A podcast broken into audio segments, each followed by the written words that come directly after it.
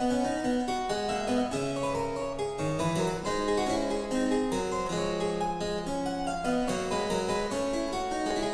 1575, la maison d'édition de Plantin est à son apogée.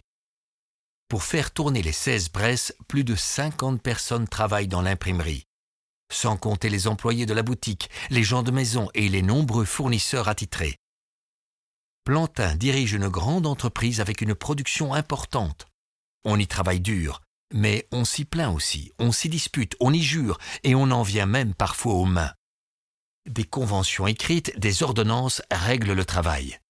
Elles déterminent les responsabilités des ouvriers et du patron. Qui ne s'en tient pas aux accords paie une amende en argent ou en bière.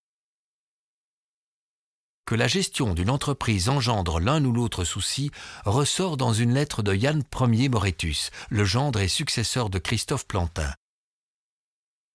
Aujourd'hui, j'attends le retour de mon beau-père qui rentre de Paris.